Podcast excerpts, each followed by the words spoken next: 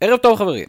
לקראת סוף השבוע אנחנו עולים עם טורי דעה קצרים בקולם של הבלוגרים שלנו. אני שוב מזכיר לכם, אתם תמיד יכולים להצטרף אלינו כבלוגרים.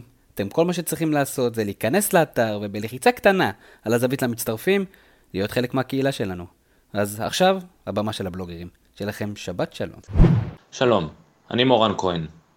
מנהלת הליגות לכדורגל קיימה השבוע יום עיון בנושאי ניו מדיה ודוברות בהשתתפות נציגי המועדונים.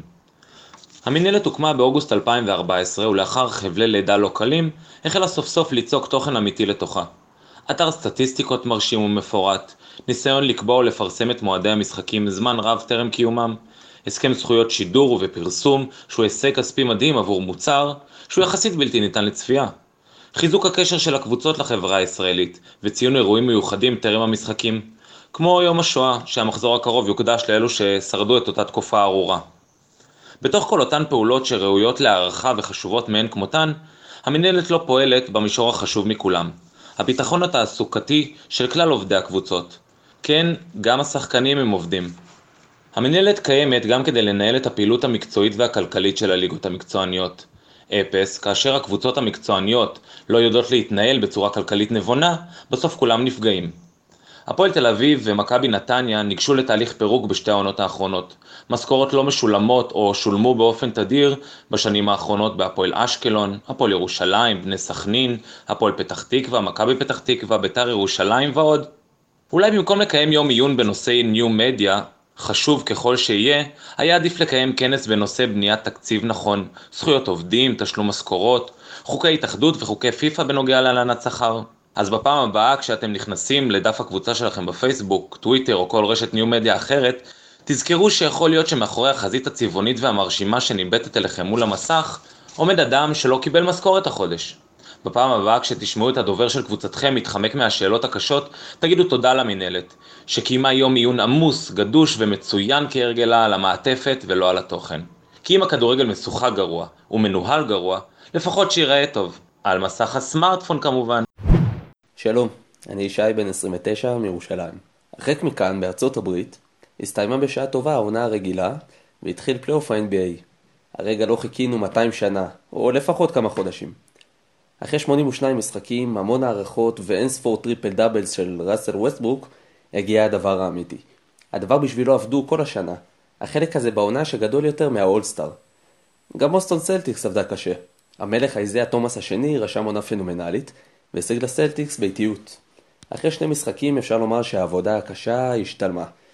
לשיקגו בולס. השברים הולכים 2-0 בסדרה, שמשוחקת בבוסטון, ומדוברת באמריקה בעיקר בגלל דבר אחד. אייזיה תומאס נשאר לשחק בפלייאוף למרות שאחותו נהרגה יום לפני בתאונת דרכים. כולם סיפרו כמה זה מרגש ואיזה גיבור הוא אייזיה. ואני רק שאלה. אני לא שופט את דרכו של תומאס להתאבל, כל אחד ומה שמקל עליו. אבל התקשורת שמציגה אותו כגיבור ואולי אף גרמה לו בתת המודע להמשיך לשחק, עושה מעשה נבלה. הרי תמיד אמרו לנו לא לערב פוליטיקה בספורט, לא לערב כלום בספורט. אז לערב שכול בספורט? עוד מעט גם ככה הצטרף תומאס למשפחתו בשביל להתאבל. אז למה הוא נשאר מלכתחילה? בשביל עוד ניצחון או הפסד בפלייאוף? בלי להשפיע על הסדרה? ככה לא נראה מודל לחיקוי. ככה נראה תוצר עקום של מערכת חסרת ערכים. שנדע רק שמחות ושבת שלום. שלום, כאן אהוד ריבן, ורציתי לדבר על סדרת הפלייאוף בין הבוסטון סלטיקס לשיקגו בולס.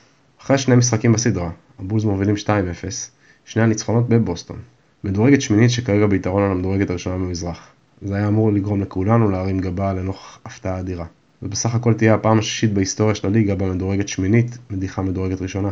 אבל קשה להתייחס לזה כאל הפתעה אדירה. הבולס היו אמורים להוות בעיה די גדולה לסלטיקס, בלי קשר לדירוג. אז מה לא עובד לבוסטון? לסלטיקס יש שתי בעיות מרכזיות. ההגנה שלהם לא מתפקדת כשג'ימי באטלר עם הכדור, והתקפה מאבדת את הראש כשהבולס עושים double team על איזיה תומאס. כאילו ששמירה כפולה זו המצאה חדשה. תומאס משחק למרות שאחותו נהרגה יום לפני פתיחת הפלייאוף.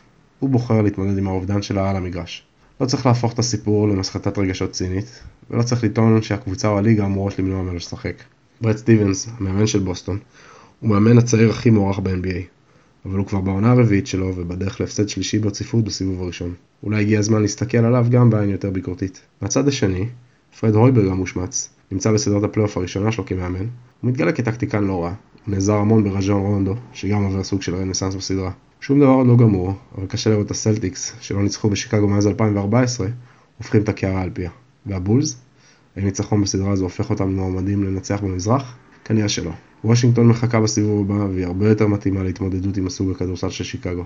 אפשר לדבר על קליבלנד שצפויה להגיע לגמר המזרח. אבל בשביל קבוצה כל כך לא יציבה לאורך השנתיים האחרונות, הסדרה הזו מצביעה על כך שאולי העתיד הקרוב של שיקגו לא חייב להיות כל כך מדכא. שלום, שמי ריו אלינסקי, בן 31 מגבעתיים. לא פעם שמעתי ביקורות על מאמנים מסוימים בטענה שזה לא חוכמה לאמן קבוצה עם שלל כוכבים וביניהם השחקנים הטובים בעולם. קרלו אנצ'לוטי, אלגרי, מוריניו, זידן, פפ, לואיס אנריקה ועוד. אז נכון, הם לא צריכים ללמד את השחקנים איך לבעוט, למסור בזמן או לעצור כדור מהאוויר. אך אל לנו לשכוח שעם הכסף הגדול מגיעות בעיות גדולות. והמשימה העיקרית של אותם מאמנים היא לנהל את החבורה המוכשרת ובעיקר לנהל את האגו. זהו לא ניהול מקצועי, אלא ניהול אנשים. בדומה לעולם העסקי כאשר יש מנהל מוצר האחראי על המוצר בלבד, ואילו יש מנהל צוות האחראי על אנשים שמניעים את המוצר קדימה. אסור לנו לזלזל, על מנת לנהל אגו של שחקנים מהטופ העולמי צריך כישורים מיוחדים. בעקבות העונה הפחות טובה של ברסה, ניסיתי להשוות מנקודת המבט הזו, הניהולית, בין זו של פפ לזו של לואיס אנריקה. אפשר לדבר על רכש לא מתאים, ויתור על שחקני מפתח, או כאלה שאמורים להתפתח לכאלה, ועם זאת, רוצה להסב את תשומת לבכם דווקא לעמדת המיסטר, המאמן. על הנייר, ברסה של לואיס אנריקה טובה יותר מבחינת מספרים, כובשת ומנצחת יותר משחקים, אך ישנם משתנים שלא ניתן לכמת בסטטיסטיקה. פפ בתחילת דרכו שלח הביתה את אותם השחקנים בהם ראה איום על המנדט שלו עצמו, רונלדיניו, דקו, סמואל אתו, כוכבים כבר אמרתי? לעומתו, לואיס אנריקה לעיתים נראה כאילו אין מנדט כלל בחדר ההלבשה, בין אם הריב המתוקשר עם מסי בזמנו, בין אם על המגרש. מספיק להסתכל על פני השחקנים, על שפת גופם, ולהסיק כי אין לשחקנים כוחות וחשק להילחם. ובדיוק בנקודה הזו, אני מצפה ממאמן בקבוצה כמו ברצלונה לבוא לידי ביטוי בצורה הבולטת ביותר. גם הפפטים עברה תקופות קשות, אך הדרך הייתה לגמרי אחרת. ומכאן, במסר להנהלת הקטלנים, מעבר לחילופי דורות והחיזוקים הנדרשים בקיץ, אני רוצה לראות מאמן של שחקנים על הקווים. אחד כזה שמספיק מבט חטוף אחד, ואתה עולה לשרוף את הדשא, כאילו זה המשחק הראשון שלך בבוגרים.